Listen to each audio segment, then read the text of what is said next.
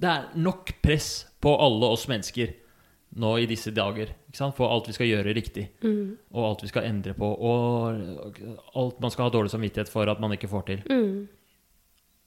Men vi er menneskebarn, liksom. Vi, er, vi, vi, vi lever dette livet på, på første forsøk. Vi har ikke gjort det før. Og det er ikke lett.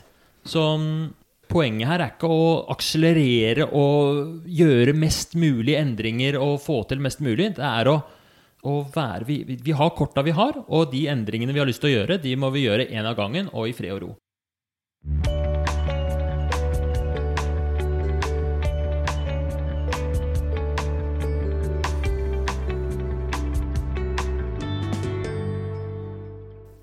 Velkommen til denne podkasten, Anette Dragland. Vi må lage to introer. Jeg tenker vi bare trenger én intro, fordi vi forklarer bare at dette her er en podkast som både er i din podkast og i min. Ok. Og dette er introen. Hjertelig velkommen til podkasten vår. Takk. Hver både Leger om livet-lyttere og motiverende intervjulyttere. Ja, vi har hatt workshop i dag og eh, utviklet hver våre podkast og driver og bounsa ideer fram og tilbake. Og så har vi en fantastisk episode som nå blir da en eh, fellesepisode for våre podkaster. For det er et tema som er helt i kjernen for det som både jeg driver med på min podkast, og det du driver med på din. Det er Jeg gleder meg så til å gå inn på dette, Herman. Men før vi går inn på det, så må vi fortelle litt om oss selv. Ja. ja, ikke sant? For de som lytter på min til vanlig, de kjenner jo meg ganske godt, men de vet jo ikke så godt hvem du er. Selv om du har vært gjest i en tidligere episode som heter 'Demotiverende intervju' med Ja. Anette. Ja. Men du er eh, lege. Du har eh, jobbet mye særlig med hud, um, og er i spesialisering i hud, men det tar du pause med nå fordi du har et kall, og det er å formidle forebyggende medisin. Hva Ja. er det vi kan gjøre for å leve gode, balanserte liv? Og hva kan man gjøre hvis man først har fått en sykdom, for å bli bedre? Nemlig. Det er jeg òg veldig interessert i. Ja, ok, så bra. Du er et unikum. Altså, Anette, hver eneste kveld så dykker hun ned i eh, den nyeste litteraturen og forsker og utforsker. Hun er så utrolig nysgjerrig på disse greiene her og har enormt mye kunnskap. Og på sin podkast så har hun eh, de råeste gjestene i landet. F.eks. den episoden med Ingvar Wilhelmsen, Ja, som jo er et funn. Å få bare å få lov til å snakke med han, er, det er min store drøm også. Så det er jeg litt misunnelig på deg for at du fikk. Ja, men jeg skal hjelpe deg. Du, du skal få han på din podkast òg. Ja, Han er en veldig grei kar. Og, eh, så den kan jeg virkelig anbefale, den, eh, den podkasten. Med mange spennende episoder som tar for seg forskjellige temaer som er viktige for mennesker. F.eks. søvn, For Eh, alt mulig, da. Kosthold, ernæring, kreft. Det er veldig lærerik podkast.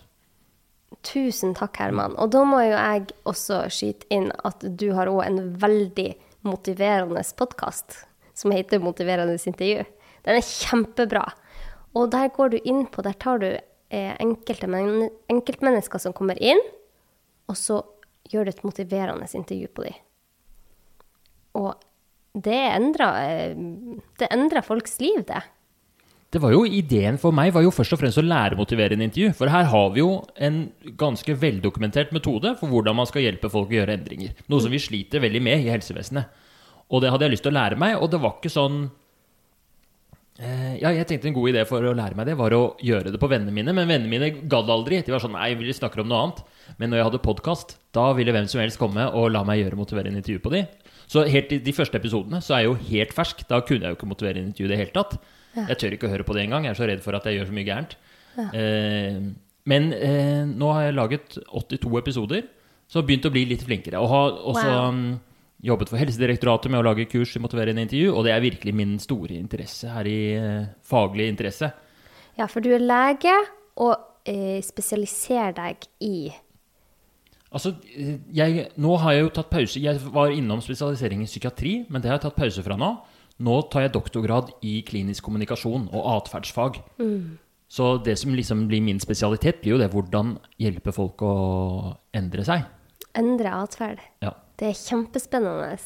Og du har jo hjulpet meg i tidligere podkaster, der vi snakker om mitt hjelpebehov, ja. og at jeg skulle bli bedre på å si nei. Det er jeg blitt mye bedre på etter samtaler med deg, Herman. Fantastisk. Så eh, det Jeg har så trua på det du gjør, og det du spesialiserer deg i. Og det er jo Vi alle kjenner oss jo igjen i at det er vanskelig å endre seg. Man har så lyst, man setter seg mål eh, på nyttårsaften at det og det skal jeg klare det i 2022. Og så kommer den dagen, og så går det ikke. Og det å gjøre disse endringene, det tar jo tid, og det er frustrerende, og så får man tilbakefall. Men det skal vi snakke om i dag, for du har mange gode verktøy som man kan gjøre når man har lyst til å endre noe, eller slutte med noe, eller starte med noe, og hvordan man kan holde på det og faktisk fortsette med de endringene. Ja, hva er det egentlig som gjør at noen, at noen klarer å endre vaner, og hva gjør det sånn at eh, folk flest, vi, de fleste av oss, gjør jo akkurat de samme tingene som vi gjorde for eh, fem år siden. Ja, ja. Vi er så mm, Vi er veldig vanedyr, egentlig, mennesker. Så det skal vi snakke om i dag. Så da har jeg eh, en det, Et sånt konsept som jeg skulle ønske alle visste om. Som er en, en modell for endring som vi bruker veldig mye som vi lærer på medisinstudiet, og som vi bruker og i psykologien, og som vi bruker veldig mye i mitt fagfelt. Og det er endringshjulet. Nettopp. Og hva er endringshjulet? Endringshjulet er modell for endring som prøver å beskrive hvordan, hva som skjer når mennesker endrer seg. Hva er liksom den vanlige prosessen? Ehm, fordi det er litt interessant hvordan Fordi man merker kanskje ikke det selv når man spør folk som f.eks. har slutta å røyke. Hva var det som gjorde at du endra deg? Ja. Så sier de ofte sånn Nei, jeg bare, jeg bare fant ut eh, en dag at eh, nå var det nok. Og da var det kjempelett å slutte. Det syns jeg veldig mange sier. At de beskriver det som liksom et knips, og så var det gjort. Og det er kanskje den oppfatningen folk har om endring. Jeg bare bestemte meg, og så gjorde jeg det. Men det som virkelig skjer, er en litt mer kompleks eh, prosess som skjer nesten litt sånn i det skjulte. Og det er det endringshjulet prøver å beskrive. Så endringshjulet er et hjul som har eh, på en måte seks deler. Hvordan, eh, altså seks eh, eiker. Ja. Se for deg en pizza med seks kakestykker, da. ikke sant? ja. Eller hvis man ser, et, eh, eike, ser for seg et eiketre med seks greiner ut. Det kan man gjøre, men da blir det jo ikke et hjul. Nei, det er Fordi, sant. fordi det er litt av poenget, at det, Ja. er, um, det er et hjul, så det er ikke egentlig noe sånn spesielt Det er ikke, helt, uh, det er ikke noe sånn her er steg én, og her er steg seks. Nei. Det er eh, sirkulært, akkurat som eh, Er det buddhismen som er også er Ja, hinduisme? Ja. sikkert. Jeg har lest en bokserie som heter Wheel of Time. Det er verdens beste fantasy-bokserie. Ja. 14 bøker, 1000 sider hver. Det var hele ungdommen min var å lese Wheel of Time, tidshjulet. Og der også eh, handler det om at eh, ting går i sirkel. Da. Det finnes ikke en begynnelse eller en slutt. OK. Men OK, ja, så Men det var en digresjon. Unnskyld. Så endringshjulet, se for seg da Det var veldig fint. En pizza med seks biter. Ja. Og, men er det ikke noe man bør ta for seg først her? Vi kan jo begynne det vanligste stedet, Ja. som er eh, Jeg kan gå fort gjennom alle, og så kan vi ta stykke for stykke etter hvert. Mm. Så vi ser for oss at en endring starter med en føroverveielse. OK. Det Så- er noe man tenker på. Ja, ikke sant? Føroverveielse. Ja, kanskje jeg skulle gjort det. Kanskje gjort en endring. Kanskje begynne å stå opp tidligere. Så, fordi det var føroverveielse, så er det et eget stykke som er til overveielse. Ja. Og det er mer sånn konkret vurdering. Fordeler og ulemper. Hvis jeg gjør det, så skjer det. Men hvis jeg gjør det, så gjør det. Hva vil jeg egentlig? Så der har vi hele den der indre tingen som skjer. Alt det som skjedde som var før han røykeren sa sånn Jeg bare tenkte at nå må jeg slutte. Det er to av seks uh, pizzastykker. Men jeg klarte ikke å skjønne forskjellen på føroverveielse og overveielse. Forskjellen er at føroverveielsen skjer litt sånn underbevisst. Det er noe som du ikke bestemmer selv at du gjør. Mens overveielse, det er en bevisst prosess. Ja, så hvis man røyker, så inni seg hele tida går man og tenker at egentlig at man skal slutte, men man har ikke Man tenker ikke helt konkret på hvordan man skal gjøre det. Ja. Mens en overveielse er når du røyker og begynner å tenke på hvordan skal jeg klare å slutte å røyke. Ja, nemlig. Ja. Så um, føroverveielse er liksom en reaksjon på noe som skjer. Vet du hva som er den vanlige, eller den beste intervensjonen, beste måten å få folk til å slutte å røyke? Det har 50% effekt. Det er den beste metoden for å hjelpe folk å slutte å røyke som finnes i verden. Få en kreftdiagnose. Ja, nesten riktig. Vi har hjerteinfarkt. Hjerteinfarkt, ja. De som får hjerteinfarkt, 50 stykker, nei 50% slutter å røyke. Og det som skjer da, er at du får en ytre ting som skjer, og så dukker det opp Det setter i gang Å, fy søren, jeg kanskje burde slutte å røyke. Og eh, det skjer jo hele tiden i mye mindre grad. For eksempel så kanskje en gang så ser man på den pakken Eller det pleier ikke å ha sånn Men se for deg at du ser på den pakken, og så står det sånn røyking Et nytt bilde, da, plutselig. Røyking gir impotens, eller et eller annet sånn forferdelig det står på de røykepakkene. Ja. Og så dukker det opp en liten sånn derre eh, Kanskje dette Det er føreoverveielse. Leder det til endring? Ja. Nei, i seg selv gjør du ikke det. For det som skjer rett et millisekund etter det, er sånn eh, ah, det var en ubehagelig følelse. La meg tenke på noe annet. For noe teit eh, For en teit eh, bilde på den pakken. Så det- føreoverveielse er liksom det ubevisste som skjer um, eh, som, som, som skjer inni hjernen, som vi ikke merker eller tenker over engang.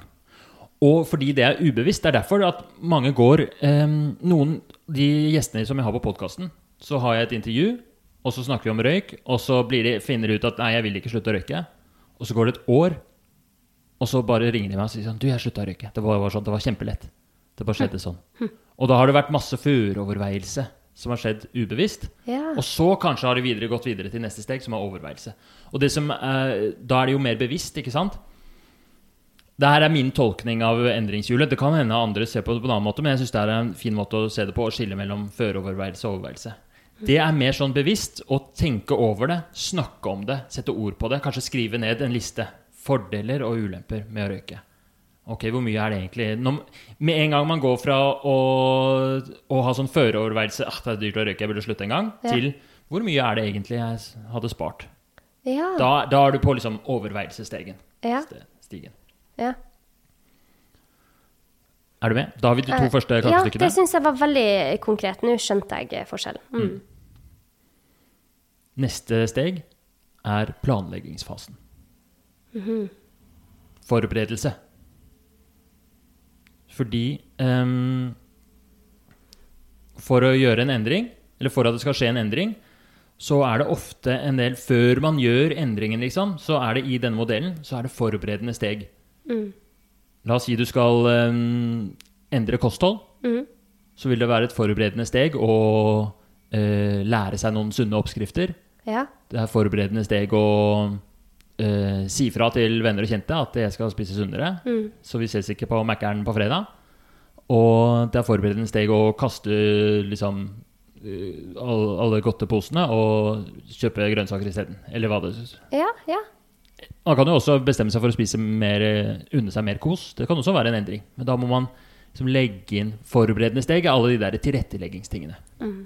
Gir det mening? Mm, veldig. Og så, til slutt, fjerde del av endringshjulet, det er handlingen. At man faktisk gjør endringen. Fire er handlingen. Det er den selve handlinga. Du går, kler på deg joggeskoen og drar på joggetur. Mm. Ja. Det, handlinga er fjerde steg. Ja. Og så eh, neste steg er tilbakefall. Så faktisk i endringshjulet så har vi lagt inn ikke bare sånn det kan komme tilbakefall Asterix. Det er tilbakefall er en I den modellen her så er det en eh, fullgod del av endringssirkelen. Ja. Det er rett og slett en integrert del, for det er så naturlig når man endrer seg, at man får tilbakefall. Mm. Det er så deilig at du sier det, Herman. For at da, da slipper man å føle på den der skammen det er å få tilbakefall. Man skal ha et tilbakefall. Ja. Eh, eller skal og skal. Det er det- veldig mange som mm, eh, Eller det det er utrolig vanlig, i hvert fall når det er sånn røykeslutt og sånt nå, så er jo det tilbakefallet veldig konkret. Ellers eh, starte med å trene, og så går det to uker før du klarer å trene igjen. Ja. Så det der tilbakefallsdelen er en helt integrert del. Ja. Kjempeviktig. Og så til slutt vedlikehold. Vedlikehold, ja. Og det er kanskje den viktigste delen. Det er det aller, aller viktigste. Og um, det som jeg syns er så bra med endringshjulet, er at den har seks fullgode deler. Og det som er den store um, Det store problemet til folk, det er at vi hopper over. Vi er i føreoverveielse hele dagen og er sånn ah, 'Burde gjort sånn, burde gjort sånn, burde gjort sånn'. Og så kommer det til en terskel, og så hopper vi over overveielse og forberedelse, og så går vi rett på Nei, vi prøver et eller annet. Og det er sånn typisk meg. Ja, Jeg bare handler. du behandler. Ja. Veldig lav terskel for å handle. Ja, ja. Eller så tenker du sånn Nei, det går ikke. Jeg har ikke sjans. Og så blir du bare i uh, føreoverveielse. ja. Og så har man heller ikke den tanken om vedlikehold. Skal jeg vedlikeholde mine gode vaner? Nei, de er jo bare der. Så man bare går rundt og føreoverveier og tenker at Ja, har masse sånne Ja, fl- flyter rundt i hverdagen og, og hvis man hadde klart å ta seg selv gjennom den sirkelen på hva enn det er du har lyst til å endre på, og bruke god nok tid i overveielse, forberedelse, handlingen, tilbakefall, tenke på tilbakefall og håndtere det på en god måte, og vedlikehold, så er det en helt annen historie. Da, det, da blir det satt, og da er det en endring som blir en del av deg. Da er det mye lettere. Så det er endringshjulet. Nå fikk jeg litt sånn eh, Bare når du snakker om dette Vi er jo så utrolig forskjellige her. Og for noen, da, så vil jo det Den føroverveielsen og overveielsen eh, Det vil være en veldig naturlig stor del av endringshjulet deres. Sånn som eh, min samboer, han er sånn som tenker grundig gjennom alt før han handler. Mens jeg for min del eh, den handlinga i seg selv vil være en veldig stor del. Sånn som hvis jeg skal sette sammen et Ikea-møbel, så hopper jeg ofte over Du hopper over bruksanvisningen? Ja, jeg gjør som regel det. For jeg, har ikke, jeg føler ikke jeg har tid nok til å gå inn i det, så jeg bare går rett på skruene og begynner å skru. Og ofte så må jo jeg gå tilbake noen steg. Og jeg tenker, bare siden du sa det her så fint nå, så fikk jeg litt sånn Ja, men da, hvis man ser på hvordan man selv er, så vet man OK, jeg er en person som går rett handling. Da vet jeg at OK, jeg hopper over tre ledd her. Må tenke litt ekstra på de. Eller de som er på føroverveielse og overveielse, tenker masse og planlegger og sånn. De har kanskje noe å gå på på å få det gjennomført. Ja, det var veldig godt poeng, fordi det er veldig fort gjort å tenke på, for jeg er sånn som deg. Så jeg tenker at eh, løsningen for alle er å bruke mer tid på overveielse og planlegging. Ja. Men det er ikke alle som er sånn. Nei. Du har helt rett. Og det er noen som som, er, som eh, bruker altfor mye tid på føreoverveielse, som kanskje kunne pusha seg til litt mer planlegging. Ja. Eller eh, og vice versa. Og det som jeg også tenker er en sånn veldig typisk for mange, er at man er veldig opptatt av uh, alt som man ikke får til, og alt som man ønsker at man skulle endre på. Man er veldig på sånn åh, jeg skulle gjort, gjort sånn og gjort sånn, og bli sittende der og er litt, gå rundt og er litt misfornøyd, Mm. istedenfor å um, fokusere på den vedlikeholdsbiten. Sånn som um, ja.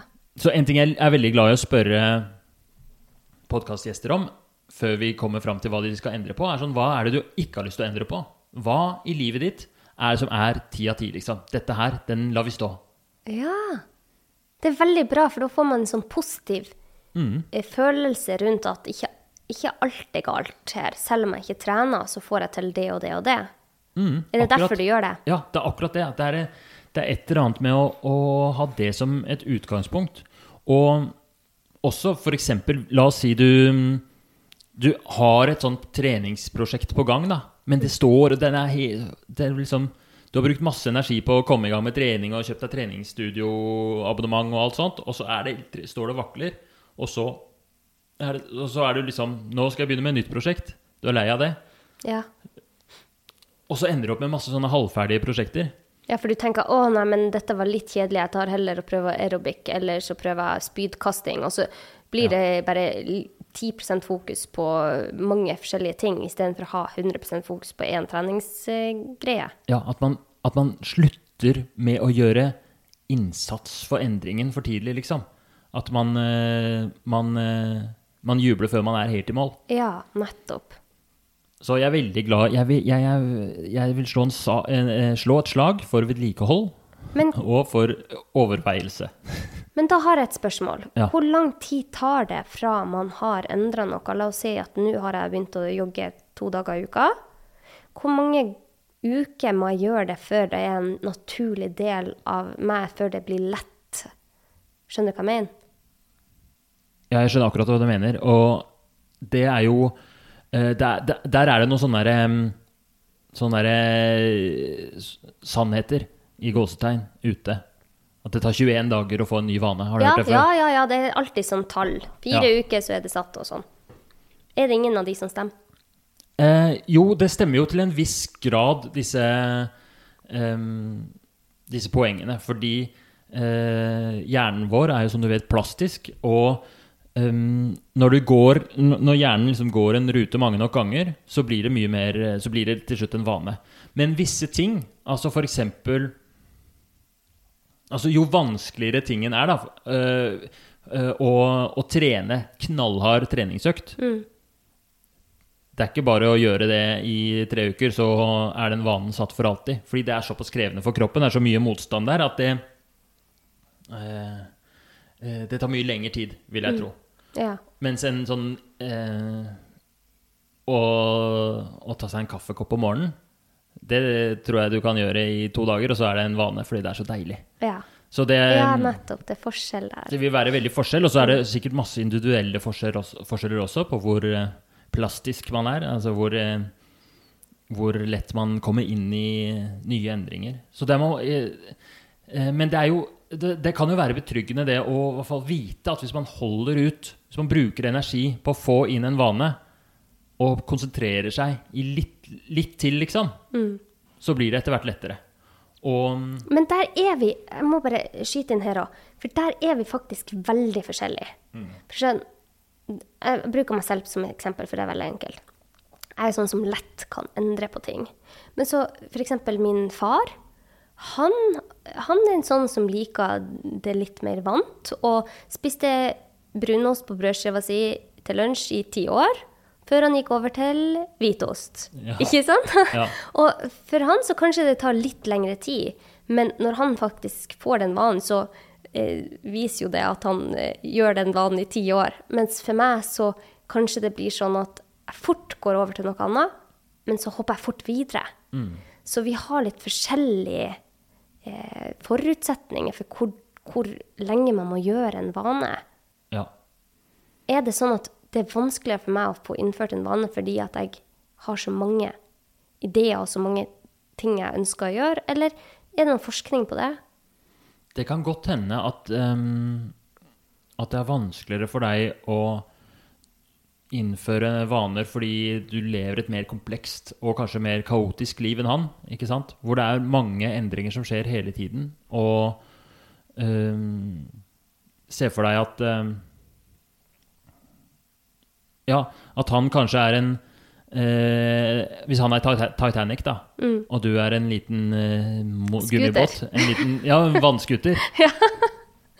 Så krever det jo mye mer energi for han å skifte kurs. Men når den kursen først er satt, Ja. så er den satt, liksom. Da krever det masse energi å skifte tilbake. Ja. Hvis du kan spinne rundt overalt, men hvis du tar av hånden fra rattet i et lite sekund, liksom, så har du plutselig en helt annen retning.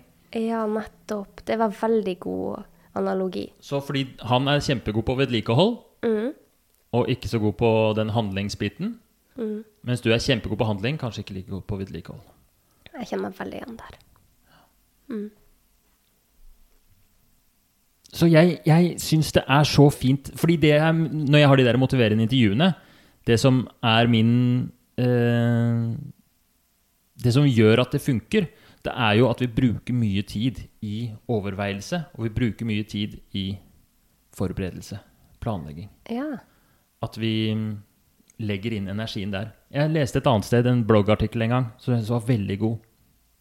Han snakka om endring. Da var, da var det snakk om sånne vaneendringer, da. At han sammenlignet det litt med eh, et sjakkspill. Kan du noe sjakk? Har du spilt sjakk noen gang? Litt? Ja.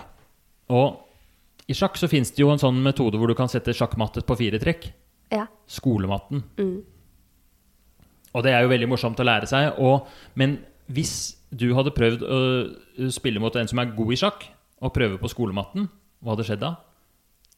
Da hadde jeg blitt satt i sjakkmatt. Du hadde blitt knust. Fordi det som skjer når du prøver på skolematten, er at man bare forsvarer seg, og plutselig så har du en dårlig posisjon. Ja. Fordi når man spiller sjakk, så deler man inn eh, Der deler man det inn i tre, da. Da har du et eh, åpningsspill, hvor det er om å gjøre å komme seg i posisjon og få liksom et eh, overtak med, med posisjonsmessig overtak. Og så har du et midtspill, som er at du prøver å få materielt overtak. ikke sant? Gjøre noen lure grep for å slå ut en av bondene til motstanderen. Og først når du liksom har kommet forbi midtspillet og funnet deg i en god posisjon og har litt materielt overtak, så går du i gang med sluttspillet og prøver å sette sjakkmatt. Det er en sånn tålmodighet der òg, at man må dele det inn. Og det er litt samme som endringshjulet. ikke sant? Hvis du går i gang med endringen for tidlig, du tenker at ja, jeg skal bare gjøre det, jeg setter en sluttedato, og så har du ikke gjort de der virkelige forberedelsene. Du har ikke funnet ut, overveid godt, hva er det egentlig som motiverer meg til dette, og du har ikke planlagt uh, godt For at det nok. blir vinter når du skal trene. Ikke sant? Du har glemt at det Du har bare shorts, du har ikke Ja. tights. Ja. Mm. Og du har ikke tenkt gjennom hva gjør jeg hvis jeg er dritsliten og ikke har lyst til å trene engang. Hva, er- hva, eh, hva skal jeg tenke da? Skal jeg da tenke det er greit, eller skal jeg da presse meg gjennom? Hvis du ikke har tenkt gjennom det på forhånd, så kan du støte på enten at du får sånn kjempe At du tar det som et tilbakefall ikke sant? og får kjempedårlig samvittighet og bare nei, da kan det, da kan det være det samme. Eller du kan uh, uh, Ja. Så poenget er i hvert fall at den derre det vi gjør i motiverende intervju, er å bruke masse tid på overveielse, utforske motivasjonen, og så bruker vi, masse tid på å lage en konkret plan før vi setter i gang med endringa. Og at den planen skal være litt sånn gjøre det enkelt. En ting som irriterer meg litt, grann, er at jeg syns ikke gjestene de, synes, de lager ofte en sånn plan som er sånn Ja, da går det akkurat. Jeg syns de skal lage en plan som er sånn Det her kommer til å være null problem at det funker. Romslig plan. Ja, så hvis du skal Hvis de har lyst til å slutte å røyke, liksom, så syns jeg de skal lage en plan hvor de leser fire bøker om røykeslutt og ser åtte YouTube-videoer og bare sånn For da er det jo helt umulig at de ikke klarer det, liksom. Men de skal alltid bare se, lese én artikkel og gå i gang. Men det er jo her du kommer inn, for du er veldig god på motiverende intervju. Ja, Så det jeg ofte må gjøre i de samtalene, er jo å bremse de.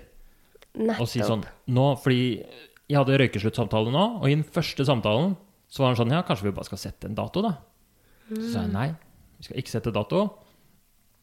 Vi starter med at du får med deg samboeren på laget, for hun røyka også. Og eh, ha en samtale med hun og gjøre litt mer sånn overveielse med hun. Så jeg ga Ja. de liksom oppskriften på motiverende intervju og sendte hjem. Og så i neste episode så tenkte jeg nå at vi kanskje kan vi begynne med planleggingen. Vi skal ikke sette dato ennå. Eh, Men da, nå er liksom jobben å, å vurdere de forskjellige Og det er jo masse råd sant, fra Helsedirektoratet på, på røykeslutt. Så da skulle han dra til fastlegen og, og få informasjon om uh, medikamenter. Som, hvis du, med røykeslutt så er det faktisk mye større sjanse for å få til å slutte hvis du bruker medikament. Mm, du I en på- kort periode for Ja. å Åtte uker. mm. Så nå har vi snakket masse om endringshjulet, og jeg er så glad for at vi har fått muligheten til å snakke om det, for det syns jeg er viktig. Ja. At folk Jeg, jeg har lært så mye allerede. Hva mer vil du vite om endringshjulet, eller hva mer syns Ja. du vi skal snakke om? Nei, det jeg tenker Hvorfor er det så viktig at man skal fokusere på endringshjulet? Hva, hva gjør det med oss eh, når vi fokuserer på det før vi endrer oss? Hvis det er en For mange av oss går nå mot en mørk høst, f.eks., og syns det er plutselig veldig tungt å trene, eller har hatt tanker i lang tid om at man ønsker å spise mer råvarebasert og gi barnet kanskje mer eh, sunn mat. Og da er det jo veldig lett, i hvert fall for min del, å hoppe rett i det. Bare fra i dag av skal det bli trening hver dag. Ja. Eh, men for de som lytter på nå, sånn at dette blir veldig konkret Hvis det er én ting de ser for seg, syns jeg at alle som hører på, skal tenke på én ting de har lyst til å endre. Og så tenker vi på den tingen. Kan, vi, kan, vi, kan de få først at de skal tenke på en ting de ikke vil endre? Sånn at vi bygger opp det vedlikeholds... Vi starter på vedlikehold. Ja, ja. Veldig bra. Ja. Tenk på en, eller skriv ned én ting eller to ting Ja. som du tenker dette her er kjempebra. Det er, disse tingene i livet mitt er top notch. Om det er eh, Ja, hva det ja. Og det gjorde jo du med meg tidligere i dag, Ja. for jeg kom til deg og var litt usikker på eh, Det var en del ting jeg måtte endre. Og så sa du ja, men hva er to ting du føler du gjør veldig bra? Og da sa jeg det å være mor. Det føler Mhm. jeg er veldig god på. Det var veldig deilig, for Ja. det, tenker man ikke over. Og så sa jeg en annen ting, at jeg prioriterer søvna mi. Ja. Og da, da ga det meg et sånn godt fundament, for da følte jeg virkelig at åh, ok, selv om det er en del ting jeg må endre på nå, så er det i hvert fall det fundamentet der er jo veldig godt. Så alle tenker på to ting. To ting som er Og det kan være hva Det kan være bitte små ting, liksom. Det kan være Jeg er i hvert fall kjempeflink til å lese tegneserier. Ti av ti på den. Og ha det som utgangspunkt. Og hvis du da finner noe som er sånn eh, Dette er kjempeviktig for meg, og det har jeg vært god på i alle år, men akkurat nå er det liksom på vei til å skli ut. Da skal du ikke ta et nytt prosjekt. Da er det den tingen som, er, eh, som, som du skal eh, jobbe med nå, liksom. Som du skal konse på nå. Gir det mening? Mm, veldig. Ja, OK. Så da har man funnet de eh, to tingene, håper jeg. Alle har to ting Ja. de er gode på. Og så tenker man på det man faktisk vil endre. Den Ja. ene tingen. Så da blir det her liksom Nå kan man ta, gå på en reise gjennom endringssirkelen. er det det vi skal nå? Ja. Med en eh, tenkt endring. Ja, herlig. En tenkt endring. Mm. OK? Og så la oss si da at eh, Skal jeg ta et eksempel, da? Ja. Så skal vi gå gjennom det. ja. Ok.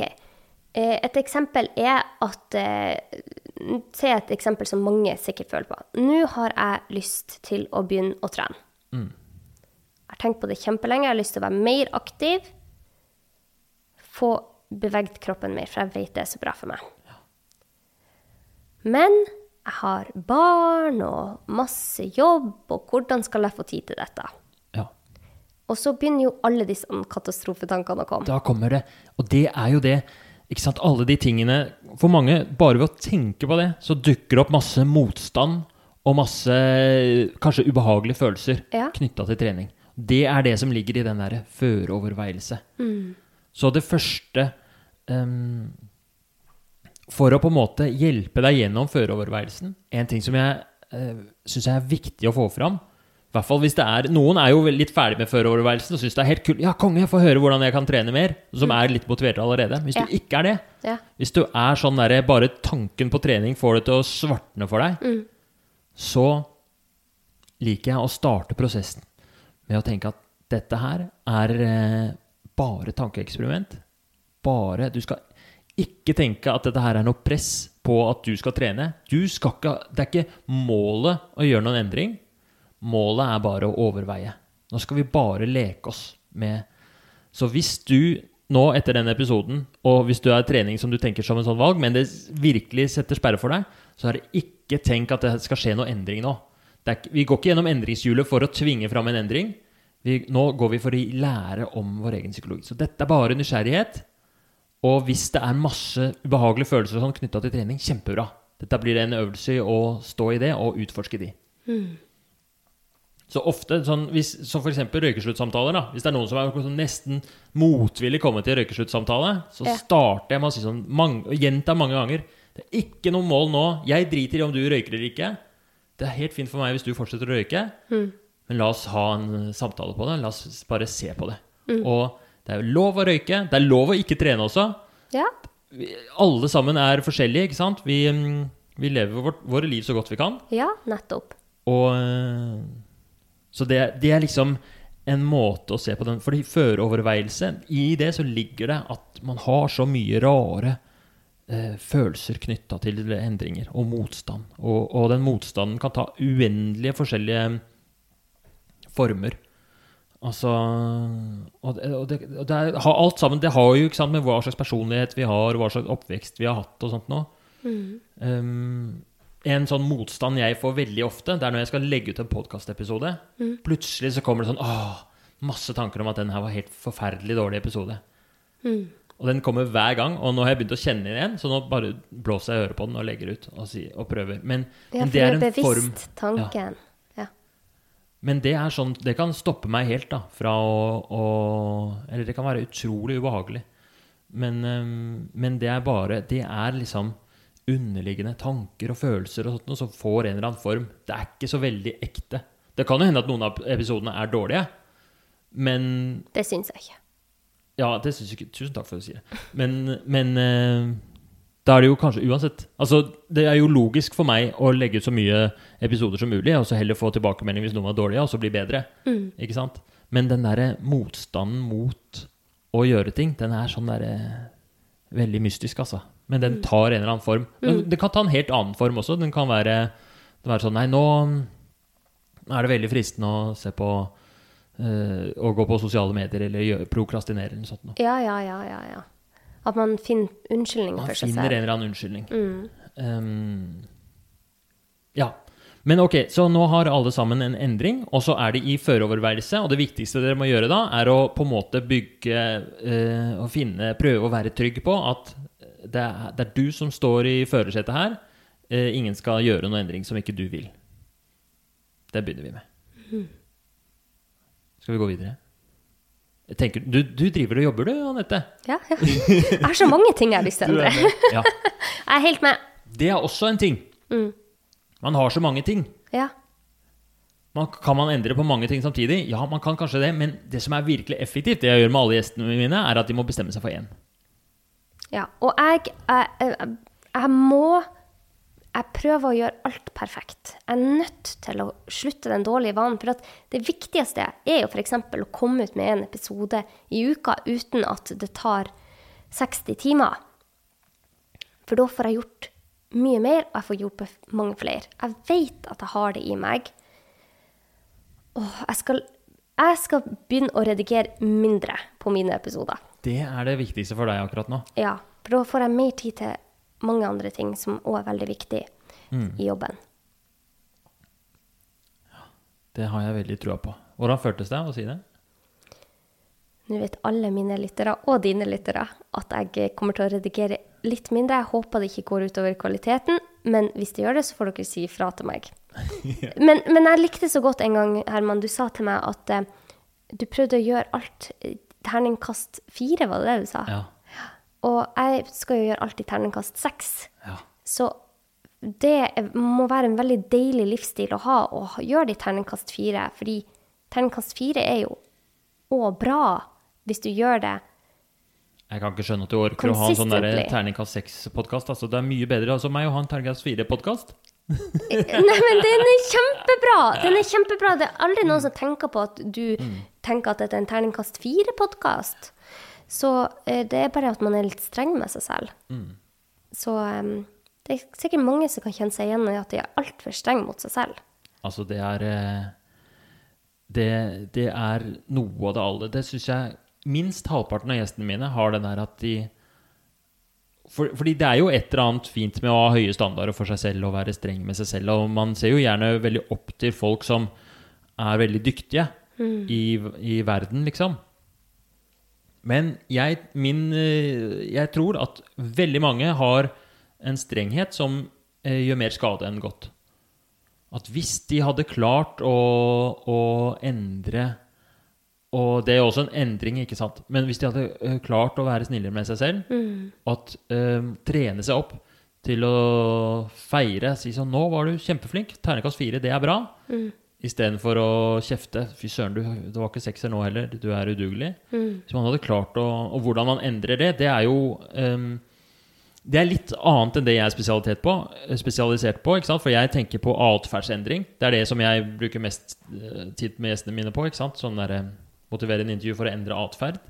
Mens dette her er hvordan man endrer tanker, følelser og holdninger. Da er det kognitiv atferdsterapi som eh, er den som Eller psykodynamisk samtaleterapi, som er eh, de vanligste metodene. Det er kjempespennende. Og det er um, Det er masse det, Der er det utrolig mye å hente, tror jeg, for veldig mange. Hvis man klarer å rose seg selv, ta seg pauser, være fornøyd og takknemlig med det man har og det man får til. Så, fordi jeg tror mange tenker at hvis jeg slipper den der pisken, Ja. så blir jeg mindre produktiv. Så Ja. får jeg til mindre. ja. Men det tror jeg ikke stemmer. Jeg tror at hvis man slipper den pisken, så får man øh, mer energi og mindre Ja, jeg tror at man kan faktisk bli mer produktiv av det òg. Men, Ja. øh, men det er en lang det burde, det burde være en egen episode om. ja. Vi får ta det en annen gang. Men så alle har funnet sin. Ja. Det er så gøy når vi snakker om endringshjulet, så kommer vi ut på noen ville veier. Ja, men det, jeg syns det er veldig nyttig, og jeg tror veldig mange kjenner seg igjen i det her, så det er veldig bra, Herman. Det der med, kan jeg bare, det der med ternekast fire, det er eh, fordi det er sikkert mange som eh, er interessert i trening. Ja.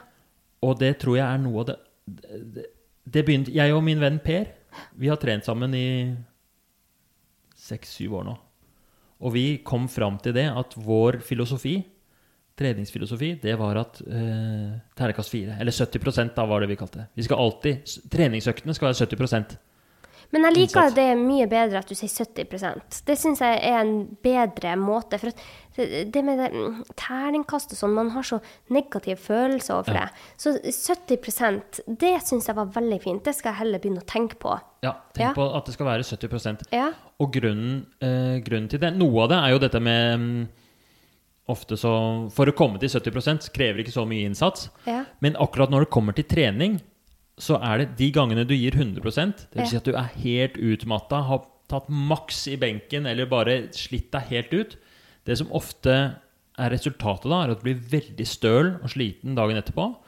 Og underbevisst så forbinder hjernen din trening, treningsstudioet, med stor grad av smerte. Ja. Og der og da så tåler man det jo ganske bra. Det er ikke så vanskelig å få til en sånn Altså Hvis noen pusher deg, eller hvis du er, en- er på en spinningtime, eller sånt, så kommer man veldig ofte opp i den der 100 Ja. Og eh, når kroppen trener på så høyt nivå, så slipper den ut masse smertestillende eh, sånne endorfiner. ja. Og for at du skal håndtere, eh, håndtere den smerten. Det er derfor når man på løpet maraton får runners high, ikke sant? Det er fordi at du, du skiller ut masse, eh, masse Endorfiner. endorfiner som på en måte kompenserer for at du har vondt i hele kroppen. Men eh, når du ser tilbake på det, så, så, så har du ikke de endorfinene lenger. ikke sant? Så hjernen din da forbinder treningsstudio med enorm smerte. Kan nok kanskje forbinde det med de endorfinene òg, da. Men hvis du da liksom vet at neste gang du skal trene, så må du gjennom den der sinnssyke økta, så blir det så mye vanskeligere å gå tilbake. Så det, sånn med tanke på å etablere en vane over tid Hvis du da liksom klarer å sikte deg inn på, særlig på trening, sikte deg inn på 70% så blir det mye lettere å komme tilbake. Ja, liker den teorien veldig godt. Det burde man gjøre som en sånn standard for, mm. for alt, for da bruker man ikke unødvendig mye energi som gir deg så lite ekstra. Det er, men det er ikke så lett, altså. Det er fordi eh, man blir så ivrig når man først er i gang å trene. Så det er veldig fint hvis man trener med noen, å ha det som sånn prøve å Og hvis du klarer å ha litt sånn dårlig samvittighet når du går hjem fra treninga, sånn «Nei, jeg kunne tatt i litt ekstra, det er den beste. Ja, men det sier jo de. De Ja. som løper fem-seks mil, de, når de trener til disse ultraløpene, så skal de jogge i snakkefart. De skal ikke det. Man tenker at de driver med sånn her høyintensitet. De, de gjør jo ikke det. Mm. Så nei, jeg er helt enig. OK, det var veldig bra. ja. Og så syns jeg det er litt fascinerende, den der tankegangen, eh, Pareto-tankegangen, eh, at hvis du gjør 20% innsats, får du 80% av eh, Ja. resultatene. ja, det har jeg veldig trua på. At de der siste veldig vanskelige De siste 20% tar Ja. 80% av tida di. Ja. Det kan godt stemme. Mm. I mye. OK. Men ja, vi har alle valgt en ting nå som vi har Ja. lyst til å bli bedre på. Og så har vi kanskje blitt bevisst litt, grann, tenkt litt over hva er det som ligger i, hva er det som er sånn underliggende tanker og følelser knytta til det. Hvis du Ja. klarer å skrive ned eh, sånn Wow, når jeg tenkte på trening nå, så kjente jeg skikkelig på skam. Eller jeg kjente på Hvis man kommer så langt og klarer å få liksom de ut, så er man på vei inn i neste steg. Så for å overveie endringen din, så er det viktig at du er ærlig om både fordelene og ulempene med å gjøre en endring. Og det er akkurat det her vi gjør i et motiverende intervju. Da stiller vi fire spørsmål. Først så ser vi for oss situasjonen sånn som den er nå. Hva er fordeler og ulemper med sånn du har det nå? Og så skriver vi ned masse ting og kommer til bunns i det. Og så um, ser vi på endringen. Hvis jeg hadde begynt å trene, da, hva hadde vært fordeler med det, og hva hadde vært ulemper med det? Og eh, teorien, den underliggende liksom, tanken bak, er jo mer du snakker om en endring, eller skriver ned, eller jo mer du jobber med den, jo mer motivert blir du. Fordi når disse fordelene og ulempene ligger i hodet ditt, og man tenker sånn, ja, ja, man tenker på de, så har de ikke noen effekt. De har ikke noen virk virkning. Men med en gang du får det ut, og få skrevet det ned Og det beste er jo å snakke med noen om det, da. ikke sant? Ja. Det er derfor det er så hjelpsomt med et intervju. Ja. Men hvis du ikke har noen å snakke med om det, så skriv det i hvert fall ned. da, Få det ut på den måten. Så hvis du klarer å skrive en fyldig liste og bruke god tid, holde konsentrasjonen og bruke lang tid på det, jo mer tid du bruker på å tenke over, eller, eller på å sette ord på fordeler og ulemper med å, sånn som du har det nå, og ved å endre deg, Ja. Jo større sjanse for er det at du Eller det er liksom overveielse. Så det er fire spørsmål, egentlig, da. Det er fire. Fordeler med å være sånn som du er akkurat nå. Ulemper med å være sånn som du er akkurat nå. Fordeler med å endre det, f.eks. begynne å trene. Ulemper med å trene. Og sånn som du har lært meg, du skal være utfyllende på alle. Du skal ikke prøve å unngå å nevne noe her. Her skal du bare skrive det ned. Ja, Nå skal vi kartlegge motivasjonen. Ja. For det kan jo hende du kommer fram til at oi, her er det kjempestore ulemper. Ja. Fordelene er ikke så store. Deilig. Da slapp du å gå gjennom hele denne endringshjulet. Da. da kan vi bli enige om at vet du hva? For mange så er det faktisk sånn at det er eh, fordelene med å røyke eh, veier opp for ulempene akkurat nå. Det er ikke tiden å gjøre en endring på det. Mm, Og da skal man ikke liksom Det er masse Det er nok press på alle oss mennesker nå i disse dager. For alt vi skal gjøre riktig. Og alt vi skal endre på. Og alt man skal ha dårlig samvittighet for at man ikke får til. Men eh, vi, er, vi er menneskebarn, liksom. Vi, er, vi, vi, lever dette livet på, på første forsøk. Vi har ikke gjort det før. Og det er ikke lett. Så Så Så det er ikke det er ikke, Poenget her er ikke å akselerere og gjøre mest mulig endringer og få til mest mulig. Det er å, um, å være vi, vi- har korta vi har, og de endringene vi har lyst til å gjøre, de må vi gjøre én av gangen og i fred og ro. Og hvis du liksom har kommet fram til at akkurat nå for meg så er trening det er for eh, tungt, og jeg, den legger vi vekk, legg det vekk, ta og tenk på noe annet i stedet. Uten å få skam for det. Ikke noe skam for det. Ja, og det er jeg så opptatt av å formidle at det, det, man, hvis man ikke har muligheten til å gjøre de endringene nå, så skal man ikke gjøre det. Jeg fikk en tilbakemelding på podkasten min, og jeg, jeg er nok litt for dårlig til å, å si det, men det var en som sa at det var kjempebra episoder, det var masse som han hadde endra på, men han syntes det var veldig tungt når eh, jeg hadde om kosthold, for at han følte da at han gjorde alt galt og visste ikke hvor han skulle begynne, og det syntes han var veldig lei- leit for han når han hørte på de episodene. Og så tenkte jeg på at det er jo sant som han sier, ikke sant? Det, i hvert fall det jeg prøver å formidle i podkasten, er jo bare å gi kunnskapen, og så må man velge selv hva man skal gjøre med den, og alt kan ikke endres på én gang. Så jeg, jeg fikk jo ikke kontaktinfo til å gi han tilbakemelding, men jeg, har tenkt på det så mange ganger at jeg har lyst til å gi han tilbakemelding på det at takk for at du sier det, og jeg forstår det veldig godt at du kan føle det sånn, og jeg kan føle det sånn. Når jeg intervjuer mange av disse kjempedyktige folkene, og så klarer ikke jeg det selv. Men jeg er veldig glad for at jeg får den kunnskapen, i hvert fall. Og så prøver jeg ikke å føle på noe skam når jeg ikke får det til. Ja. Så nå har ikke jeg trena på to uker. Jeg prøver ikke Det har ikke vært tid for det nå. Og da hjelper det meg i hvert fall ikke hvis jeg skal gå rundt og føle skam rundt at jeg ikke får tid til å trene. Det hjelper ikke. Det er, eh, men vi, ja, vi, sånn er vi jo alle sammen skapt, at vi skal drive og, og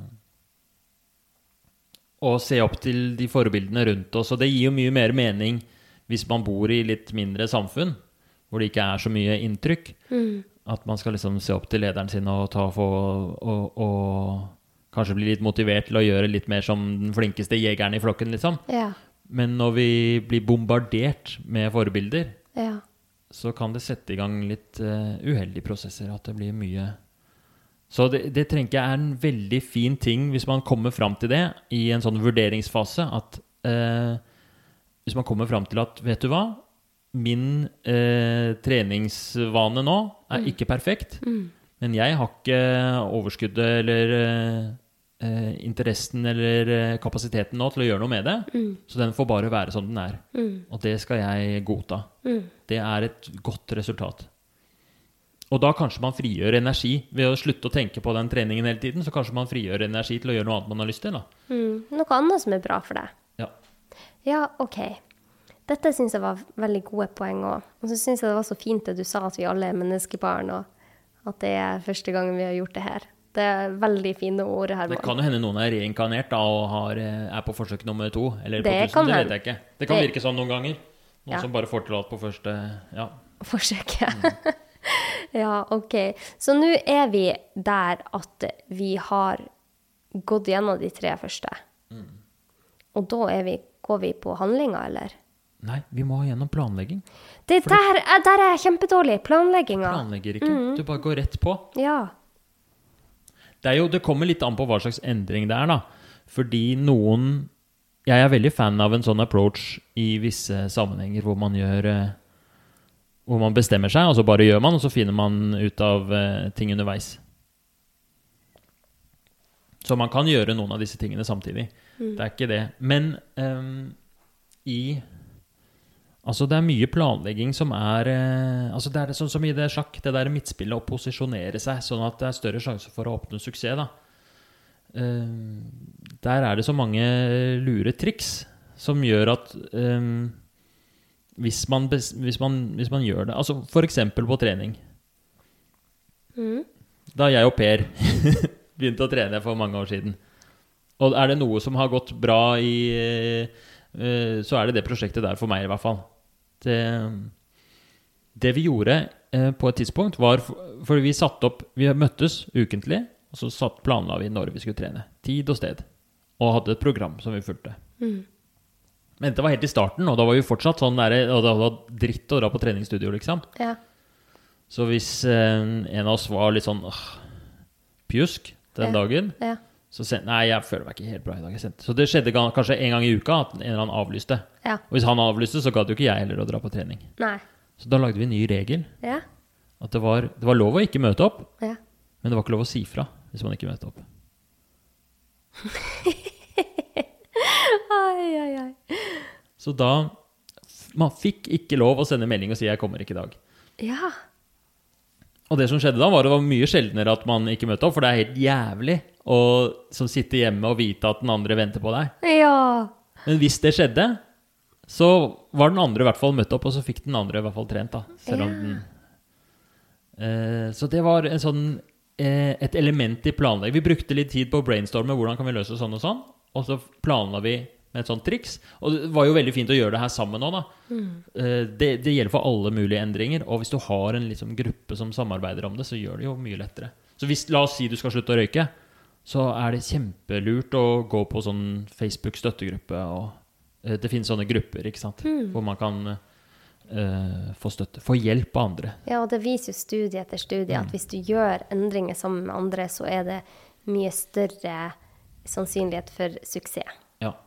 Og en ting også som jeg syns folk gjør så sjeldent, men som er sånn kilde til, eh, til så mye positivt, er hvis man spør om råd. Um, nesten ingen av gjestene mine spør Eller jo da, det gjør de jo av og til, men det er veldig sjeldent at folk spør Du, jeg har lyst til å få trent litt mer, hvordan kan jeg få til det?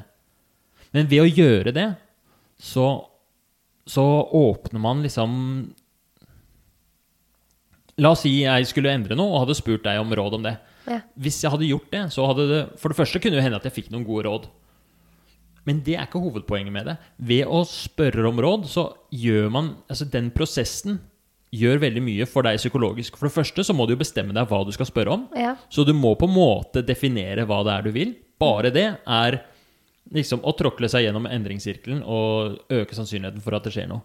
Og i tillegg så kommer du i den prosessen Når du får et eller annet råd, så kommer du til å tenke ja, nei, det passer ikke helt. Men du kommer til å komme på råd selv. Du setter deg selv i en veldig sånn kreativ, eh, løsningsorientert tilstand. Så hvis Ehm, hvis du har en eller annen endring du sliter med, og ikke får til, men du har lyst til å få det til, så ta også ring tre kompiser. Og de trenger ikke å være eksperter på det engang. Og spør liksom, hvordan syns du jeg skal gjøre det, hva er dine råd? Og bare kjenn etter hva det gjør. For det kommer til å gire opp motivasjonen og øke suksessen. Det er jeg helt sikker på. Og veldig ofte når jeg spør andre om råd, så finner jeg løsninga inni hodet mitt selv. Akkurat. Før de rekker å si det, så Ja. har du kun- funnet løsninga. Ja, Men det hadde ikke skjedd hvis du ikke hadde spurt om rådet. nettopp. Så det var et veldig godt poeng. Mm. Det må man gjøre. Det skal jeg gjøre oftere. Det er noen som ikke har det i vokabularet sitt, som er veldig sånn Nei, det skal jeg finne ut av sjæl. Ja. Og det er altså Da spiller du livets spill på en veldig vanskelig vanskelighetsgrad. For det er så life hack å ha det sånn Du, jeg lurer på hvordan er det jeg skal få til det. Jeg trenger et lite tips. Det, er også en måte, men det krever jo at man er litt sårbar, da.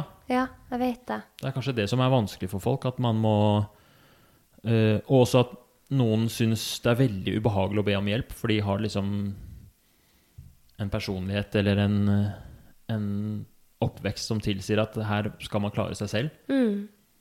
At det, ja. Ja. Men folk liker jo å være til hjelp. Folk elsker å være til hjelp. Det er en gave når du spør noen om råd. Ja. Jeg blir så glad for får overtenning når noen spør meg om råd. Rådet til dere som blir spurt om råd, Ja. er å ikke si rådet ditt med en gang. Følg opp med oppfølgingsspørsmål. Og tenk at, fordi tenk at eh, det rådet du skal gi, det skal være så godt som mulig. Så hvis du spør meg om råd, hvordan skal jeg trene mer, så spør jeg tilbake. Ja, kult, det skal jeg hjelpe deg med. Hva er det du har tenkt på? Hvilke og Da får man i hvert fall en god samtale, da. Ja. Hvis den som spør om råd, blir møtt med litt mer sånn utfølgende spørsmål, og man har en litt sånn større samtale Ja. som ender opp med en mer sånn idémyldring, og at man kommer fram til rådene sammen. Ja.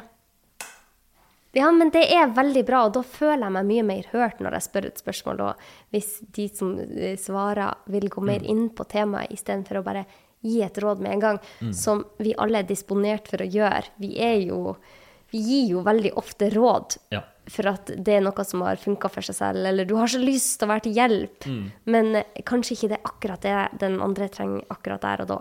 Det blir et sånn merkelig spill hvor jeg spør om et råd, men jeg håper egentlig du ikke gir meg et råd, men et spørsmål. Kanskje man kan spørre Du, jeg trenger et råd, kan du stille meg et par spørsmål? ja, jeg veit ikke hvordan man gjør det. Men i hvert fall, ja, sånn men er det. eh, de som hører på, de vil i hvert fall tenke over det. Ja, OK, så da er det å forberede seg. Så Mm. hvis jeg eh, har lyst til å begynne å spise mer eh, råvarebasert, spise sunnere, så eh, bør jeg kanskje finne seks forskjellige retter som jeg vet er bra, fra flinke Det er jo så masse oppskrifter rundt omkring. Og så lær meg de. Fordi da kan jeg alltid gå tilbake til de seks oppskriftene hvis jeg ikke vet hva jeg skal lage til middag, eller hvis det er vanskelig og jeg bare har lyst til å ta fram Grandiosaen. Så må jeg finne noen enkle, men gode, sunne retter. Og så ha tilgjengelig i kjøleskapet den maten. Sånn som jeg. Jeg vet at rotgrønnsaker det holder seg kjempelenge. Så jeg har ofte persillerot eh, og rødbeter i kjøleskapet, for det holder, det holder jo i tre-fire uker. Sånn at jeg alltid har noe tilgjengelig. Og det hjelper i hvert fall min forberedelse til å spise sunnere. Kjempebra eksempel. Nydelig. Og øh, de tingene der er øh, Noen ganger så er forberedelse sånn at man vil ikke gjøre det, for det føles nesten som juks. At er, man har en sånn der sadomasochistisk holdning til at en endring skal være vanskelig. Det er ikke verdt noe hvis det ikke er vrient. Så, altså, noen som, det var en, en som kom på gjest på intervjuet, som var, eh, eh, hadde så lyst til å komme i gang med tegning igjen. Ikke sant? Og, men hadde masse motstand mot å tegne fordi hun hadde alltid vært så flink til å tegne, og så hadde hun ikke tegna på ti år, og nå var det sånn terskel for å sette i gang. Og så endte det med at hun meldte seg på sånn tegnekurs.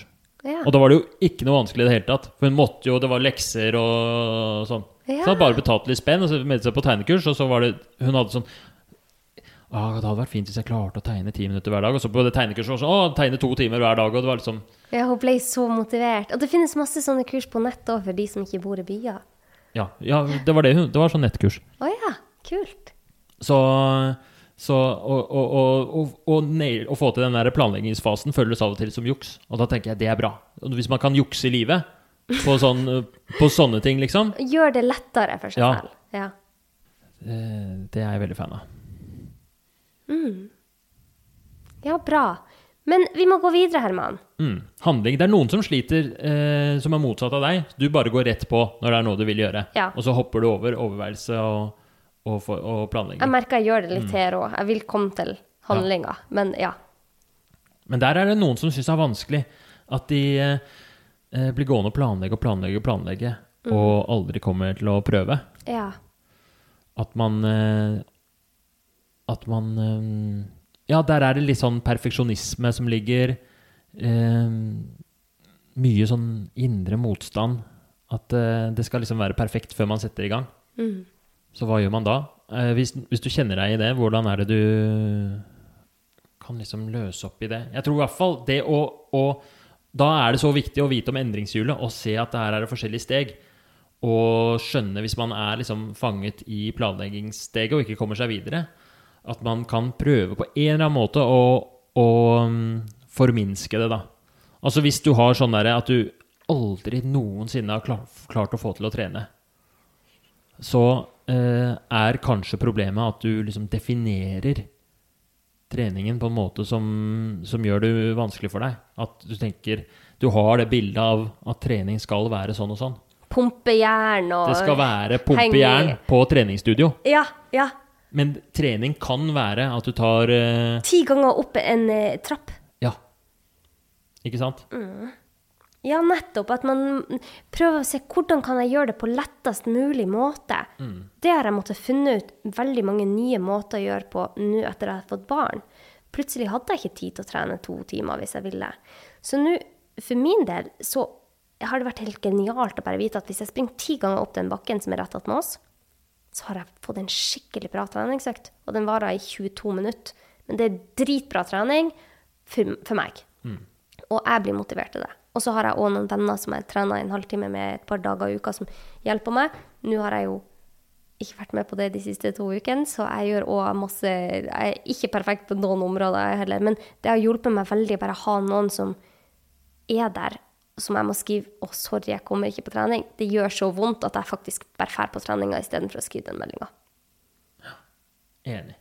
Så det er sånne småting man må finne ut. Hva, gjør, hva som gjør at det er ekstra lett for deg å gjøre det. Og sånn som å spise sunt. Det er jo så lett å kaste en Grandiosa i fryseren, nei, i ovnen. Men når man ser at oi, shit, det tar faktisk ti minutter å lage den der suppa, som er kjempegod med kokt egg i Har man bare gjort det en gang, så blir det så lett. Det er det jeg har så lyst til å bare formidle, at jeg har vært der òg, der jeg bare kjøpte en Grandiosa, men nå når jeg lager liksom oppskriften mange ganger, så ser jeg jo hvor enkelt det er. Og da er terskelen så utrolig lav for å gjøre det. Fantastisk. Altså mm, Akkurat hvis vi har bruker trening som eksempel, så er det også en, en ting som er viktig å ha med seg, er at man kan Man kan eh, dele opp handlingen i flere forskjellige ting. La oss si du har, eh, du, du har lyst til å trene på treningsstudio, men du har skikkelig terskel for å dra dit. Og det som hindrer deg i å dra på treningsstudio eh, man, man, man, bare, man tenker sånn 'Å, jeg er bare lat. Jeg er ikke sånn fyr som trener'. Men det som skjer, er at du har motstand mot flere ting ved treningsstudio. For eksempel så er det har du motstand mot uh, veien dit. At du Ja. syns det er kjedelig å gå dit. Ja. Du har motstand mot å pakke sammen eh, treningsbagen. Ja. Det er kjedelig. Du har motstand mot å, um, å være der og liksom å møte de der folka Du har litt sånn sosial angst for å møte Ja. de folka i resepsjonen. ja, men jeg syns det er slitsomt, jeg òg. Av og til Det er så slitsomt. kortet, og så får jeg ikke det til å virke, og så Ja. har jeg glemt kortet, og så må jeg få en app. Og, altså, jeg, må, Ikke sant? Masse småting. Og så veit du ikke hva du skal trene. Så du har motstand mot sånn hva, du har ikke, hva er det egentlig jeg skal ta? Og så tenker du åh, hvordan blir det i den dusjen? Hvordan, jeg har ikke mer sjampo. jeg har mange-» Altså, det er masse sånne småting som gir motstand. Ja, ja. Så en måte å gjøre den motstanden mindre, er å starte med Med, med liksom å fjerne noen av bitene. Så øh, når man øh, Hvis man skal, tenker at man skal trene på treningsstudio, så kan man si at den første uka så skal du kun ta en veldig kort tur på tredemølla. Eller det som du syns har minst motstand mot. da Ja. At du dropper de tunge øvelsene. ja. Og det du da i den, de fire ukene øver deg på, er alle de tingene. Fordi når du har vært der i fire uker, og vært der en gang i uka eller to ganger i uka de fire ukene Ja. Selv om treningen kanskje er helt sånn Du har ikke svetta engang, men så har du øvd deg på å pakke bagen, du har øvd deg på turen ned dit, og du har øvd deg på den der sosialangsten. Kanskje du har til og med blitt litt kjent, blitt på hils med han der eh, typen i kassa. Ikke sant? Så Eh, for jeg kjenner jo nå, Det er mye større terskel for meg å dra på treningsstudio et annet sted enn det jeg pleier å gjøre. ja. Så der jeg pleier å gjøre, der er det så lett for meg å gå, fordi jeg kjenner alle folka. Jeg veit akkurat hvordan eh, dusjen er. Jeg gleder meg til, eh, til den der lille yten som jeg pleier å drikke etterpå. Og, og Så hvis du deler opp handlingen i forskjellige At det ikke er én terskel for hele handlingen, men du har masse terskler for forskjellige ting, og du klarer å på en måte redusere noen av de i en startfase. Det kan være lurt, som gjør at du faktisk setter i gang med noe. da. Nettopp. Det syns jeg var veldig, veldig, veldig gode poeng. Det er derfor det funker sånn der, at man Det er noen som har sånn eh, for å sette i gang med trening til de som aldri har trent før, da, at man begynner med bare å gå runder rundt huset, liksom. For da venner man seg, da blir det en innarbeidet vane, i hvert fall da å ta på seg treningstøyet Ja. og gå en runde rundt huset. Og så kan man etter hvert begynne å legge på jogginga. At man, fordi helt sånn konkret i hjernen så er det motstand mot ting du ikke har gjort før. Men med en gang det er liksom vante baner, så blir det lettere å gjøre. Det er liksom det som er på vaner. Men når det er kom sånne komplekse ting, eh, så, så, så er det liksom mange sånne små elementer eller, altså Du kan dele det opp i elementer da, og trene. Ja, nå gjentok jeg meg selv. Ja, men det var veldig bra. OK? Da har du virkelig gått inn på forberedelsene. Mm, og nå var, det vi, nå var vi på handlinga. nå har vi vært på handlinga, ja. for at du har jo vært på treningsstudio, du har gjort sånn, og, Fantastisk. Nå Ja. er det tilbakefallet. og det der, Ja. det er så vanskelig. ja. Og det er, jeg liker så godt at tilbakefall er med i den endringssirkelen, og som et sånn integrert element, fordi i alle endringer altså, Det vil jo alltid være forskjellig, men i, det er 80% riktig. Det meste jeg sier, er sånn ca. 80 sant. Ja. Hvis man har det som forbehold, så kan man si ting med litt mer eh, selvtillit. Ja. Men i hvert fall, i alle endringer så kommer det en, en tilbakefall eller en dupp. Fordi når du gjør, først gjør en endring, så har du liksom den derre eh, elementet at det er nytt og spennende, og du er litt gira på det, du er litt motivert. Men så er det liksom når du skal på den fjerde treningsøkten, eller når du skal lage den femte sunne middagen, Ja. da begynner det å bli kjedelig. Ja, da ja. får du en eller annen smell. ja. Og det som um, får skje for noen da, at de får det tilbakefallet, og så kommer det liksom den dippen, og så gir de opp. Nettopp. Gir opp. har Nei, jeg hele prosjektet, det her orker jeg ikke, det går ikke. Nå spiste jeg Grandiosa, nå kan jeg like så greit bare fortsette. Ja. Mhm. At man at, uh, at man lar liksom den første motgangen uh, være nok til at man stopper helt opp. Så hvordan kan man bli flinkere til å ikke gi opp de, de tingene Vet du hva, hva, det er lurer jeg veldig på. Mm. For jeg har et eksempel her. Ja. Det er ikke helt eh, innafor det her, kanskje, men jeg, ikke, jeg, jeg tåler ikke melk så veldig godt. Og jeg, jeg kan spise melkeprodukter, absolutt. eh, Veldig fint. Men jeg har det der med at når jeg først da spiser masse sånn som en pizza, så ender jeg opp med å spise bare veldig masse melk etterpå. Tar jeg meg melkesjokolade, da spiser jeg ekstra brødskive med ah, brunost til kvelds, fordi at da har jeg jo allerede spist veldig masse melk den dagen. Og det kan jo kanskje noen kjenne seg igjen i når f.eks. de har, skal kutte alt av eh, sukker. Så spiser de én godteri, og så ender jeg opp med å spise hele godteposen den kvelden, for de har allerede på en måte fått et tilbakefall. Hvordan stopper man seg selv før det går for langt? Det er et kjempegodt spørsmål, og det tror, det tror jeg er veldig viktig. Jeg tror en stor del av eh, den derre typiske effekten der, at hvis det først rakner, hvis det først kommer eh, litt ketsjup, så kommer hele flaska. Ketsjupflaskeeffekten. Ja. Og jeg tror mye av det handler om eh, det som vi var litt inne på i stad. Dette med skam, dette med eh, eh, den derre pisken. At man er så veldig opptatt av at ting skal være så perfekt, man skal være så flink. ja. Fordi det som skjer da, er at man blir veldig glad når ting er perfekt, og så ryker du på den derre lille, eh, i ditt tilfelle, den lille ostebiten eller melkebiten, ja. og så kommer det en sånn derre Nei, nei, nei, søren òg. En ubehagelig følelse. Skamfølelse. Eh, jeg har feilet. Så for noen er så ubehagelig. Og måten man responderer på det, er at ok, nå, dette her orker jeg ikke å føle. Nå må jeg bare flykte inn i noe. Og så kommer den der veldig naturlig den der tankegangen. Ja, men nå Siden jeg feila, så kan jeg bare gå helt ut, og så, så, så bare kjører man det helt ut. Jeg har akkurat det samme selv. Ja. Ehm, hvis jeg Jeg prøver ikke sånn legge meg i tide, fordi jeg blir så utrolig dårlig humør dagen etterpå hvis jeg ikke har sovet nok. Ja. Men hvis jeg blir sittende over eh, og se på serie, og se litt for lenge, så blir jeg sånn Å, herregud, nå har jeg ødelagt morgendagen. Og så ser jeg helt til klokka seks på morgenen. Å, herregud! Fordi da er det sånn Nei, nå, når jeg først har ødelagt det, så kan jeg like så godt bare dra helt Ja. uh, til skogs. Jeg tror mange kan Mm. kjenne seg igjen i det der. Og eh, den ferdigheten som er knytta med det, som, er, som, eh, som virkelig Jeg tror det er mye å hente på for å, bli, for å liksom få litt færre av de, da. Det er å være flink til å tilgi seg selv og være snill med seg selv og klare å fange seg når man er i den derre ah, da, da, Og si Vet du hva?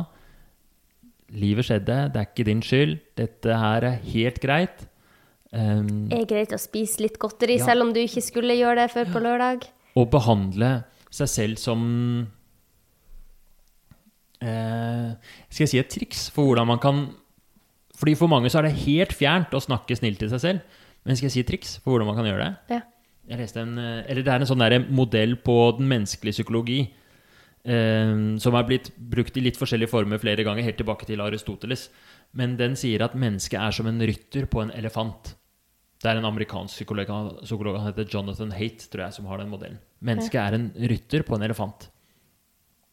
Og elefanten er liksom det underliggende, underbevisste, alle følelsene, driftene og sånt noe. Den er jo veldig sterk, men også veldig Elefanter er jo veldig sårbare. De blir fort lei seg og sånt noe. Hvis den får panikk Det er litt det som skjer når du liksom plutselig hiver i deg melkesjokolade og Walters mandler, etter Ja. da, eller når jeg sitter på Netflix, der elefanten går amok, rytteren mister kontrollen.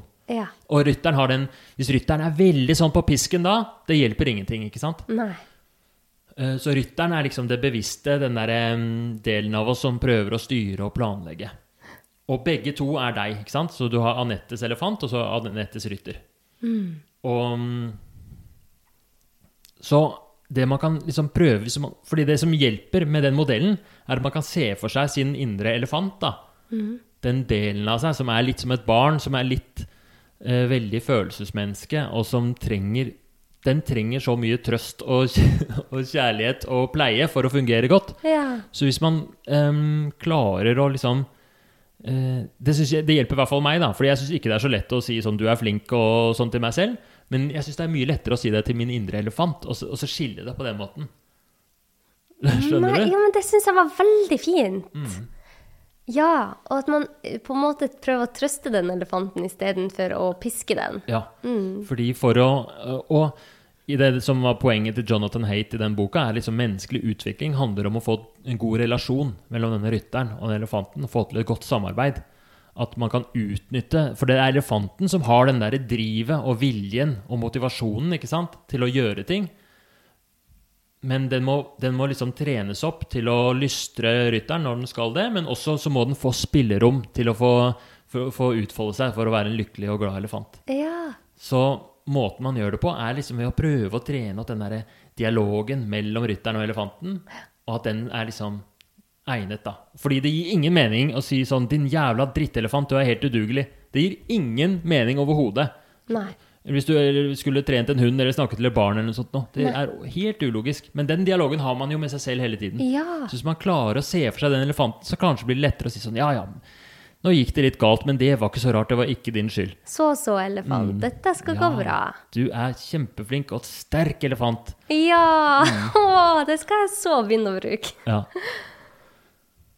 Um, og for mange Ja, så det er i hvert fall Det er ganske sånn derre um, Jeg tror det har mye for seg og, og mye å hente for mange å prøve å og, og Det er i hvert fall i, sånn, altså i psykologsamtaler det ganske land rundt, så er det veldig mye det det dreier seg om. Å prøve å endre på den der indre dialogen, den der selvpiskinga. Og den henger sammen med de Hvis du får de der fullstendige tilbakefallene hvor det bare alt rakner, det tror jeg henger mye sammen. Nettopp. Så hver gang man har eh, skeia litt ut, eller ikke fått trent i en periode, eller spist for mye melkeprodukter, så skal man prøve å trøste elefanten sin. Ja. Og det som er litt av trikset, er at der og da så er det jo veldig vanskelig, for da er jo elefanten i full panikk, ikke sant? Ja. Fordi den er sånn Den er jo den som merker det mest, at 'nå har jeg driti meg ut', Ja. og jeg orker ikke mer. Så eh, trikset for å hindre tilbakefall er jo å inkorporere den der trøstingen, det å være snill med seg selv, ellers òg. Så når du har fått til noe, så pass på å feire det. Når du er um, Når du har hatt en sånn ternekast fire, eh, 70% treningsøkt, eller eh, hatt en dag hvor du hadde Ja, du spiste en Grandiosa, men det var litt sunt ellers, så feire det litt, da. Og være Ja. flink og feire seg selv. Og huske på at elefanten gjør sitt beste hver eneste dag, liksom. Ja, nettopp. Og da vil, når den er i full panikk, Mm. Så har den lært seg din, din måte å trøste på og bli Ja. fortere rolig. Fortere rolig. Men den kommer til å havne i de, altså den panic-moden. Det skjer jo. Altså, jeg har trøsta elefanten min i mange år, jeg, men det, det var ikke lenge siden jeg var oppe til Hadde den derre breakdown med så på, Jeg så på Squid Game, og det var så voldelig. Derfor, jeg anbefaler ikke den serien. Nei, jeg skal aldri se den. Det høres helt uh, Nei, veldig var, trist ut. den var så overvurdert. Det var så Jeg syns Vet du hva, jeg, det her er ikke en uh, anmeldelse. Uh, Anmeldelsespodkast. Men jeg skal holde de meningene mine om Squid Game for meg selv, jeg. Ja. Det er, jo, den var, den var jo underholdende på mange måter. Ja, ja, nei, men det Jeg så, så hele serien. Det er trist. Det er mye hyggeligere å se på sånn Jakten på kjærligheten. ja, Men jeg så en annen serie som er de stikk motsatte. Ted Lasso, som er sånn feel good. Ja. Jeg likte ikke den heller. Nei, OK. Nei, så um, Du og elefanten er litt vanskelig å please med serier. Men OK, så vi er videre på eh, tilbakefall. Elefanten, det var kjempegodt råd. Det, skal, det kommer jeg til å inkorporere i mitt liv. Er det andre ting man skal gjøre da, hvis man får tilbakefall? La oss si at gått to uker uten at du har trent, og så fant du ut at det var veldig deilig å slippe å dra på trening. En ting som er viktig med tilbakefall, og, eh, ja, det er det der å være snill med seg selv når det skjer, og ikke være perfeksjonist på at en endringsprosess Hvis du vet at en tilbakefall kommer til å skje, det er en del av endringsprosessen. Det er ikke grunn til å liksom, gi opp. Men jeg tror også det er lurt at når man er tilbake i den planleggingsfasen, at man tar høyde for tilbakefall. Hva Ja. gjør jeg hvis sånn og sånn? Ja. Hva skal jeg tenke hvis sånn og sånn? Ja. At det er en viktig del av planleggingen, er å ta høyde for, uh, for For at det kommer Å vite at det kommer til å være bølger i motivasjonen, opp- og nedturer, og, og uh, ja. Veldig bra. Så hva er det siste? Siste er vedlikehold. Ja. Og ja, nei, det er, det er også viktig det er liksom, Poenget med endringshjulet er jo å illustrere at endringen, selv om du har gjort endringen, du har fått et tilbakefall, du er kanskje på gangen, så er det en kontinuerlig prosess. Og i en vedlikeholds... Altså f.eks. hvis du skal bruke PT for å komme inn i treningsrutine, og så tenker man at man bare skal bestille PT de tre første gangene, og så er man i gang. Men bestill en PT-time til etter fire måneder også. For at- siste, liksom, bare for ja, å Ja. En sånn vedlikeholds-PT, bare for å liksom sjekke det. Um, Ja, det er bare også- den tankegangen at det her, endringen er ikke sånn 21 dager har gått, så har det skjedd. Nei. Mm. Og det er litt sånn som jeg skal prøve å bli litt mindre kritisk til mitt arbeid, f.eks. Så kan jeg gå til deg om to måneder og si Du, Herman. Det har gått bra, men det og det gikk ikke så bra. Og så at jeg bare er bevisst og får snakka høyt med noen om det, vil hjelpe meg å fortsette den gode endringa som er klart. Eller med ja, røykeslutt. Det er jo mange som kanskje får tilbakefall et halvt år etterpå. Det Har gått så lenge. Og, og så skjer det et eller annet i livet, og så faller man tilbake. Men det er greit å bare ha tenkt over hva gjør jeg da hvis noe veldig galt skjer i livet mitt, og jeg får lyst på røyken. Ja, nemlig. Det er den derre mm, Å være bevisst på det. Jeg, jeg syns det er veldig fint å, å bruke litt tid Selv om du har gjort en endring, og, og den er eh, godt i gang, men ta en sånn runde på det. Hvor du går liksom, du ser over Fordi det er jo også sånn som du opplevde når vi gikk gjennom de tingene som du fikk til veldig bra. Så gjør jo det veldig godt. Da blir man bevisst på Det er fortere å liksom glemme all innsats man har gjort for å komme dit man er i dag. da. Ja. Men alle de som hører på, har sikkert gjort masse konstruktive endringer i livet sitt. De har bestått eksamener, fått seg jobber. Og det å liksom være litt, um, litt bevisst på at man uh, På hvilke Alle de liksom fortidens innsats man har gjort, og holde litt i det. Det er både bra for senere endringer, for det øker mestringstillit og mestringsfølelse. Og også føles godt her og nå. ja, og er man veldig langt nede, og alt føles mørkt ut, så Så må man gå til legen. Ja, det, det må man, men eh, man må også prøve å trøste den elefanten sin som har stått i et eh, langt liv, og det er mye som skjer i løpet av livet, og det er mange utfordringer. Og selv om man står i en veldig utfordrende situasjon akkurat nå, så betyr det ikke at man er der neste år. Man kommer seg gjennom det. Helst med hjelp av noen andre, da, selvfølgelig, men ja. Det er en sånn eh, det, er veldig, det er veldig spennende å se på alt mulig rundt som skal endres. Og tenke at å, hvis jeg bare får det sånn og sånn, så blir livet perfekt. Men eh, jeg tror hvis man klarer å holde på de gode tingene man har, sånn som det du nevnte i stad, med søvn og morsrolle Det er mye viktigere at det forblir, enn at du får til den endringen eh, du skal ha, da. Ja, nettopp. Og jeg tror det er et eller annet både eh, Det er sånn litt tilfredsstillende også å drive og jobbe med ting som, som er innenfor mestringsfølelsen sin òg. Eller det man er god på, ikke sant. Um, poenget mitt er i hvert fall eh, når det kommer til vedlikehold, så er det fort gjort at man ser veldig mye utenfor det man er god på, og alt man skal endre på, og alt man skal fikse på, og så glemmer man litt at eh, det man har fått til fra før. Og man har mye å hente på Eller noen har i hvert fall en del å hente på med å jobbe mer fra styrkene sine. Mm. Og utvikle de. Så eh, altså, jeg har snakka med noen som, som har så lyst til å begynne å trene eh, et eller annet uh, løping, ikke sant, men syns det er så kjedelig og vi, og bare, Men skammer seg over at de ikke løper fordi alle andre løper. Men så er de dansere. Ikke sant? Det gir jo ingen mening. De har jo alt, alt det de skulle fått ut av uh, løpingen, er, uh, får de jo ved dansing. De elsker å danse. Eller altså, Ja. De er ikke profesjonelle dansere, men sant, har danset i alle år. Ja, ja, ja. Så eh, det der med å med å verne skikkelig om de der gode tingene man har i sitt eget liv?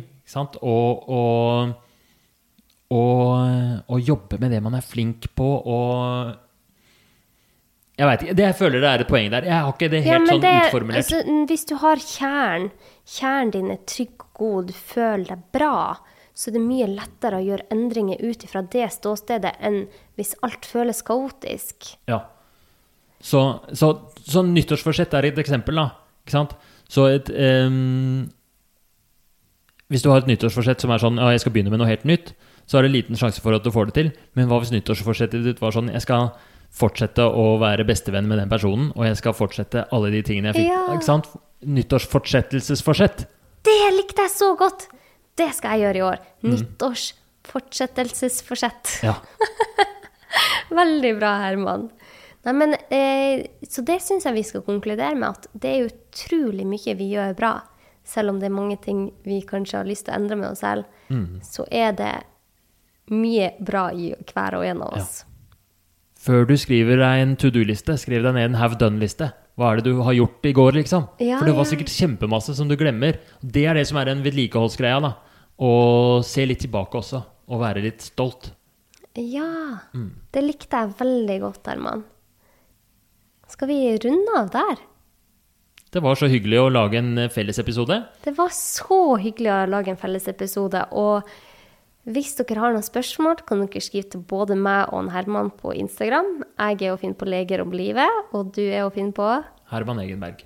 Ja. Og hvis dere liker podkastene våre, så trykk abonner. Ja, trykk abonner og del og Ja, jeg anbefaler i hvert fall veldig å høre på podkasten til eh, Anette. I like måte, Herman. Jeg er så takknemlig for at du tar deg tid til å bli med i podkasten min nok en gang. Det er alltid en glede, og jeg har fått så mange tilbakemeldinger på at de to eh, forrige episodene du har vært med på, har vært veldig motiverende og engasjerende og utviklende. Så bra, så morsomt. Ja. Da får alle sammen ha en fin dag videre. Ha en fin dag!